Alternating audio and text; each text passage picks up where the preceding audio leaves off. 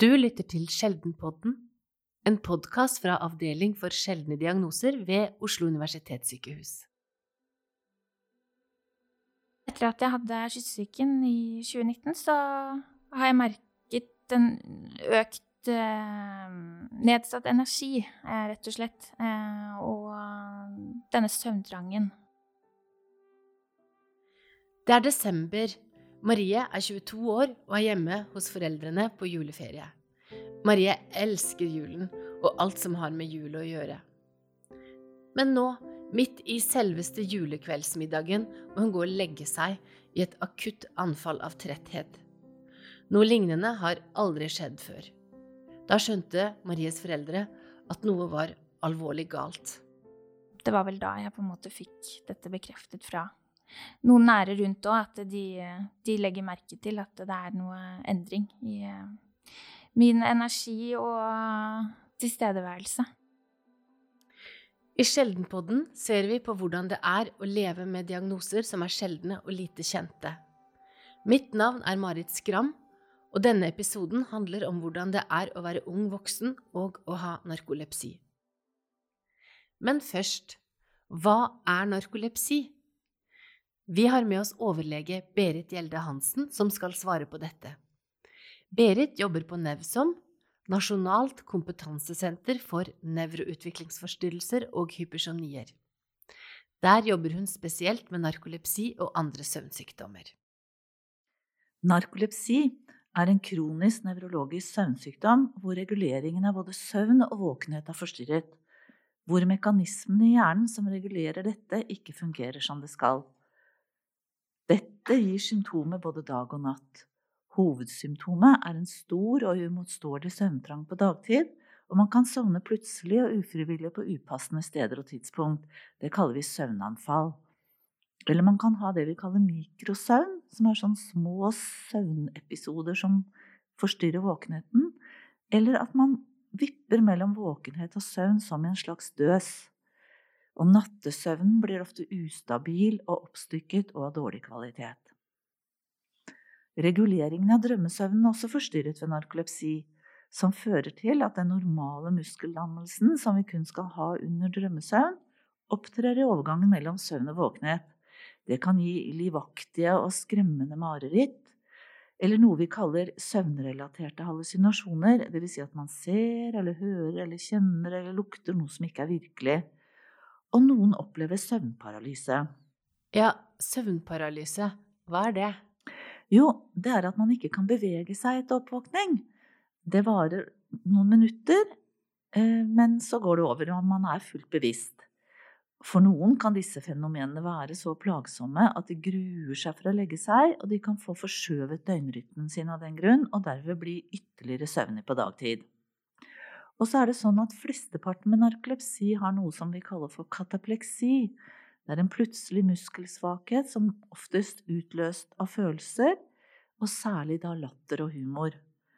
Mengden og alvorligheten av katapleksi kan variere veldig, fra en liten svakhet i kjeven eller ansiktsmusklene, til at hodet faller ned mot haken, og for noen at knærne svikter, og noen kan også falle helt om. Ofte varer det veldig kort, fra sekunder til få minutter, men en sjelden gang kan det vare lenge, og da kaller vi det status kataplekticus. Det er to typer narkolepsi. Hva er det som skiller dem? Jo, vi skiller mellom type 1 og type 2. Ved type 1 har man enten lavt nivå av et signalstoff som heter hypokretin i hjernen, og eller symptomet katapleksi, mens ved type 2 har man ikke katapleksi, har ikke hypokretinmangel, eller man har ukjent nivå. Hvorfor får man narkolepsi? Er det medfødt? Nei, det er ikke medfødt. Det starter hos tidligere friske personer, oftest i tenårene. Narkolepsi type 1 oppstår fordi cellene i hjernen som skal produsere signalstoffet hypokretin, som er et stoff som er med på å regulere søvn- og våkenhetsstadiene, blir borte. Mens årsaken til narkolepsi type 2 kjenner vi ikke. Marie er en Oslo-jente på 28 år, oppvokst og bosatt i Tigerstaden. Men i 20-årene flyttet hun til Bergen for å studere sykepleie. Hun bodde i kollektiv og ledde som studenter flest, med venner, ekstrajobb og studier. Men alt var ikke som det pleide, og hun kjente på en stadig voksende trøtthet. Hun opplevde at hun bare fikk mindre og mindre energi og ble trøttere og trøttere, og det handlet ikke bare om det bergenske regnet. Nei, Bergen var jo eh, kjempegud. Det var jo kjempespennende. Og jeg eh, hadde gledet meg. Ny by, eh, student, eh, og hadde hørt veldig mye bra om eh, Bergen. Så jeg hadde veldig høye forventninger. Eh, men jeg var spent fordi jeg da flyttet. Eh, visste at jeg skulle flytte i et kollektiv med fire andre gode venninner som jeg kjente fra før. men hadde da denne Ja.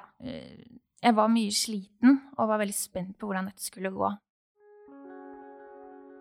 Og Marie skjønte at noe var galt, og gikk til fastlegen, som først ba henne om å legge seg til riktig tid, spise godt og riktig og mosjonere. Dette hadde hun allerede gjort. Og du fikk beskjed om å ikke jobbe så mye ved siden av studiene. Nei, jeg merket jo etter hvert at uh, det, Jeg hadde jo fortsatt eh, lite energi, og spesielt da under studietiden, hvor det er eh, eksamener, mye lesing, eh, men i tillegg til det sosiale, ikke minst. Eh, og som student så må du jobbe i tillegg for å eh, holde økonomien i sjakk. Og dette var en kjempepåkjenning, og var mye mer utfordrende enn det jeg hadde sett for meg.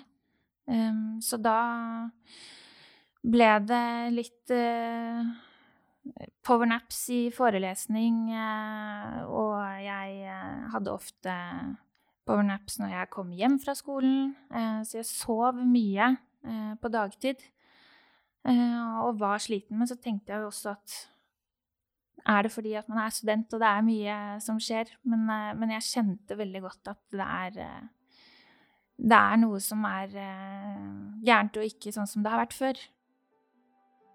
Så gikk det en stund, og hun kom tilbake til fastlegen for andre gang. Da ble hun tatt mer på alvor. Fastlegen henviste Marie til nevrologisk poliklinikk på Haukeland, der hun ble utredet og fikk oppfølging. Jeg ble jo heldigvis henvist videre eh, til Haukeland, og ble, det ble gjennomført eh, alt av søvntester og eh, undersøkelser. Eh, og da var det Ting var veldig uvisst. Jeg husker jeg stilte spørsmålet til en sykepleier som satt og tok på meg eh, elektroder eh, en av de siste dagene jeg hadde på Haukeland. Og da hadde jeg lest mye. Eh, og i og med at jeg da gikk sykepleierstudiet, så vet du jo en del fra før òg. Og da stilte jeg spørsmål om kan dette være narkolepsi. Det tok et år med utredning og bl.a. med forskjellige søvntester, før Marie fikk påvist diagnose narkolepsi type 1, dvs. Si at hun har narkolepsi med katapleksi. Det var sommeren eh, 2016. Og da fikk jeg en telefon eh, fra Haukeland. Og fikk beskjed om at eh, alt av svarresultatet var klart, og at det var ingen tvil om at dette var narkolepsi.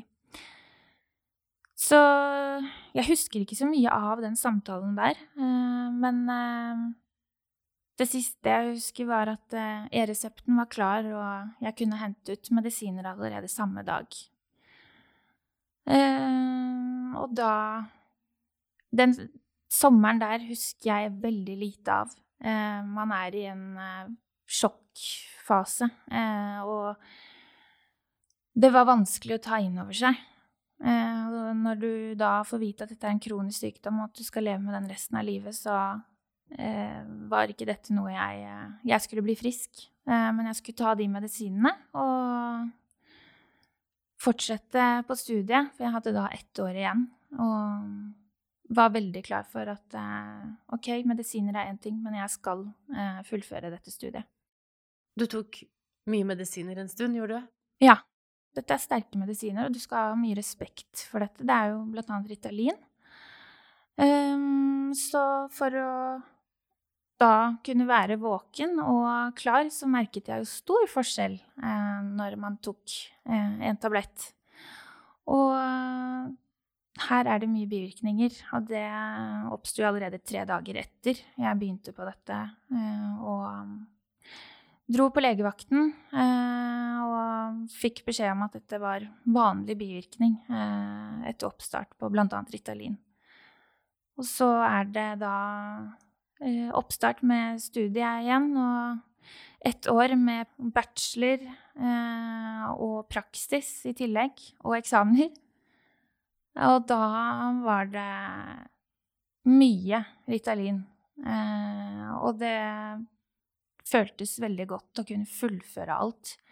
Men det å se i ettertid hva slags konsekvenser dette hadde, både for meg og altså helsen, kroppen alt. Dette gikk utover både kosthold, blodtrykk um, og nattesøvn, ikke minst. Uh, for jeg fikk jo ikke sove fordi jeg var så gira. Og etter at du fikk diagnosen, så hvordan var det med oppfølging fra helsevesenet da? Jeg hadde en eh, konsultasjon, en oppfølgingstime. Uh, det var vel to-tre måneder etter at jeg fikk diagnosen. Uh, og det var lange måneder. Eh, det er så mye tanker eh, omkring det å i det hele tatt få en diagnose. Det er jo traumatisk i seg selv. Eh, så da var det en kort konsultasjon med bare en samtale om hva jeg gikk på, at jeg skal bli fulgt opp videre. Og da tok det et halvt år eh, før jeg hadde neste time igjen. Eh, og jeg slet jo med bivirkninger allerede fra dag én. Og opplevde jo ikke at dette ble tatt på alvor, da, i allerede tidlig fase.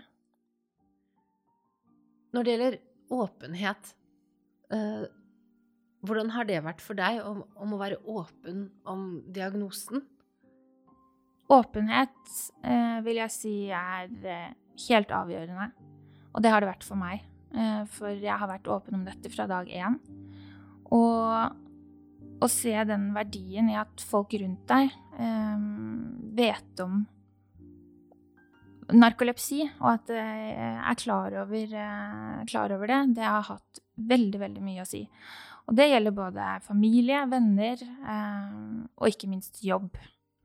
Og med katapleksien, har du opplevd at du har, kunne være også åpen med, om det, da? Ja, men det er så mange som ikke vet hva det er. Eh, og katapleksianfall, det er jo noe som eh, kommer og går, og er veldig beskjedent. Eh, I hvert fall i mitt tilfelle, hvor det er eh, tap av muskelkraft i eh, Ja, jeg kjenner det ofte i ansikt, skjeve og i i beina. Og dette utløses da ved følelsesmessige reaksjoner. Og da setter jeg meg ned, og da er det over etter noen sekunder. For som regel har Marie veldig små katapleksianfall. Men høsten 2020 ble hun lagt inn på sykehus pga. en serie med store anfall. Det tok lang tid før jeg forsto at dette var et slags katapleksianfall. Eh, og det Eh, årsaken var jo at eh, det ble ikke utløst av noen følelsesmessige reaksjoner. Så jeg var hjemme alene og sto og lagde middag. Så jeg, det tok lang tid før jeg forsto hva dette var. Men jeg rakk heldigvis å legge meg ned, og det var jo et anfall som varte i over 15 minutter. Og da, etter eh, en tur innom legevakten og um, deretter ble jeg jo da innlagt da, på, på Ullevål. Eh, så var det full eh, utredning for å finne ut av hva, hva dette var. Man fant jo ut etter et døgn at eh, det var en forskningsartikkel som en av nevrologene hadde lest, hvor disse blodtrykksmedisinene som jeg hadde startet på samme dag, kunne utløse eller forsterke et katapleksianfall. Og dagen etter begynte jeg på nye blodtrykksmedisiner, og da har jeg ikke kjent noe siden. Um, så dette var jo da blodtrykksmedisiner som jeg hadde startet på fordi jeg da hadde høyt blodtrykk uh, på grunn av Ritalin.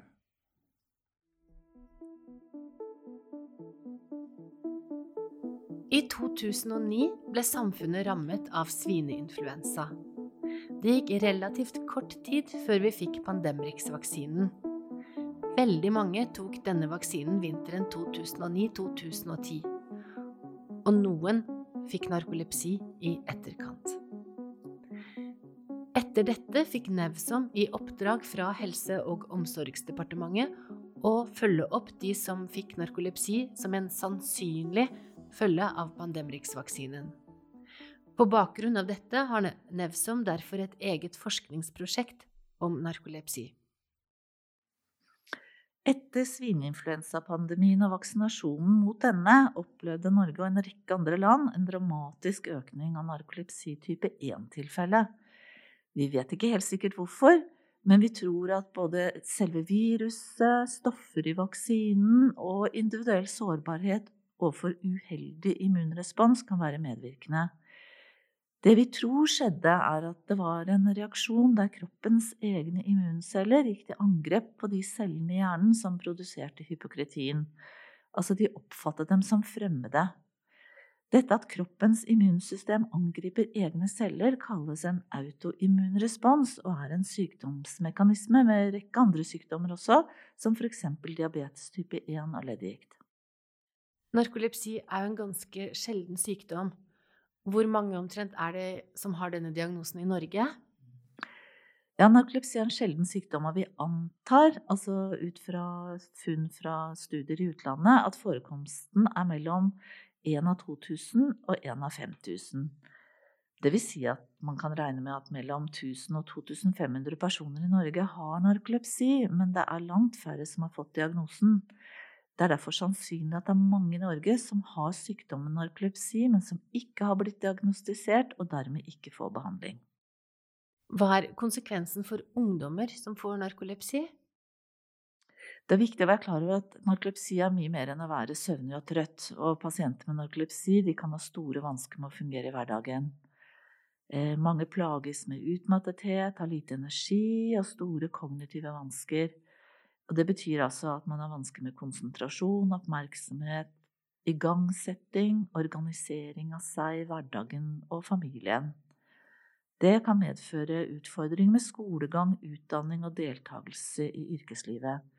Alle ting tar lengre tid og krever mer energi og planlegging overfor andre. Og Derfor så bruker mange opp det allerede reduserte energinivået på skolearbeid eller på arbeid, og har ikke overskudd til noe annet og da velger man kanskje bort det sosiale og fritidsaktiviteter. Ubehandlet katapleksi kan også føre til at ungdommene trekker seg fra situasjoner der dette kan utløses, og det er altså situasjoner med mye følelser, særlig latter og eller fysisk aktivitet.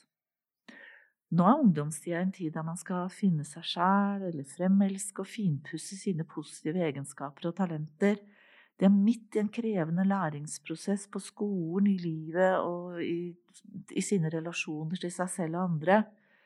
Og, og derfor så kan man gå glipp av mye viktig læring. Og så er det sånn at å ha narkolepsi med redusert batterikapasitet gjør at man må prioritere hva som er viktig, og ikke gjøre det, og ikke justere kravene til seg selv. Og foreta disse prioriteringene kan føre til utbrenthet. Men så er det viktig å få sagt at med riktig behandling og god oppfølging på andre områder, som tilrettelegging på skole, studier og arbeidsplass, og hjelp med koordinering av ulike tjenester og hjelpemidler og sånn, så kan de fleste fungere veldig bra. Finnes det medisiner som kan lindre symptomene? Det finnes altså ingen kur, ingen medisiner foreløpig som gjør at man blir helt frisk. Men det fins mange medisiner som kan være nyttige som kan gi bedre nattesøvn, som kan gjøre at man er mer våken på dagtid, og som kan hjelpe på katapleksi og mareritt og hallusinasjoner og søvnparalyse. Og de fleste trenger en kombinasjon av flere medikamenter. Å finne denne rette kombinasjonen kan være tidkrevende oppgave for legespesialistene, men det er allikevel verdt å tilstrebe det. Men så er det sånn at det er viktig også med livsstilsendringer og ikke-medikamentelle triks, særlig powernaps. Med korte høneblunder regelmessig flere ganger daglig. Det reduserer søvnigheten, bedrer våkenhetskvaliteten og konsentrasjonen.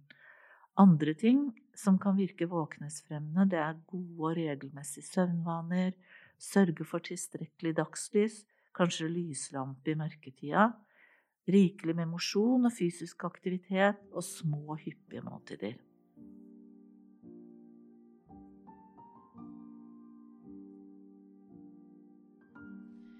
I denne serien forsøker vi å få svar på hvordan det er å være ung og å leve med en sjelden diagnose. I denne episoden har vi hørt om Marie som fikk narkolepsi i starten av 20-årene. Til slutt, Marie, har du et råd du ville gitt til din behandler som kunne gjort det enklere for deg da du først fikk narkolepsidiagnosen? Da vil jeg eh, referere til eh, bacheloroppgaven som jeg skrev siste året eh, på sykepleien. Og det, det jeg ser går igjen mye, da, spesielt det å få en kronisk sykdom Det handler om oppfølging fra dag én. Og det er gjort forskning på dette her, og det, det man ser, er at selve diagnosetidspunktet eh, Blir du fulgt opp da og tatt eh, hånd om, så er det helt avgjørende for, eh, for at livskvaliteten eh, fortsatt er god, og at du, du kan leve et så normalt liv som mulig. Og det ser jeg jo også at eh, det å være åpen om dette, eh, kjempeviktig. Og um, så tror jeg det er viktig at eh, fastlegen, for det er fastlegen man går til først, eh, som henviser deg, at de det å være trøtt og sliten, det, det er så mangt, men, eh, men at man eh, catcher opp disse symptomene tidligere og, og tar det på alvor. Og også er mer bevisst på symptomer blant annet katapleksi. Eh, og så tror jeg at eh, den oppfølgingen da videre, eh, med medisiner, eh, råd, veiledning, eh, informasjon om andre eh, yrkesgrupper, som er altså alt fra sosionom, ernæringsfysiolog At man blir eh, informert om dette, for det er så avgjørende for hvordan man eh, skal kunne ja, mestre hverdagen. Også spesielt pårørende, eh, familie. At de også får muligheten til å eh, samtale med spesialist. Men Marie hadde mer på hjertet, noe som gir håp for det som kommer, julen og alt annet viktig i livet. Jeg hadde aldri trodd at jeg kom til å komme til det punktet hvor jeg faktisk uh, nå kan si at takket være narkolepsien, så har jeg fått et helt annet perspektiv på livet. Uh, jeg verdsetter ting på en helt annen måte. Uh, og fra å si ja til alt og være med på alt mulig, så sette egne grenser. Eh, og den opplevelsen av å mestre noe er eh, en helt fantastisk følelse som jeg eh, har lagt veldig merke til etter at jeg fikk narkolepsi. Så det Jeg har klart å snu det til det positive.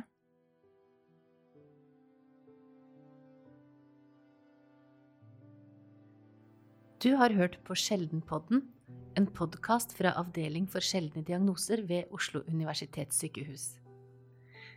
Denne episoden er produsert av meg, som heter Marit Skram, Kristin Rosnes Holte og Silje Systad. Ansvarlig for podkasten er Olve Moldestad. Takk til Berit Gjelde Hansen, og tusen takk til Marie for at du delte din historie og gode råd om hvordan det er å leve med narkolepsi. Vil du lese og lære mer om narkolepsi, kan du gå inn på nevsom.no. Har du spørsmål eller tips til nye episoder, send oss en mail på sjeldenpodden alfakrøll ous-hf.no. Vi høres.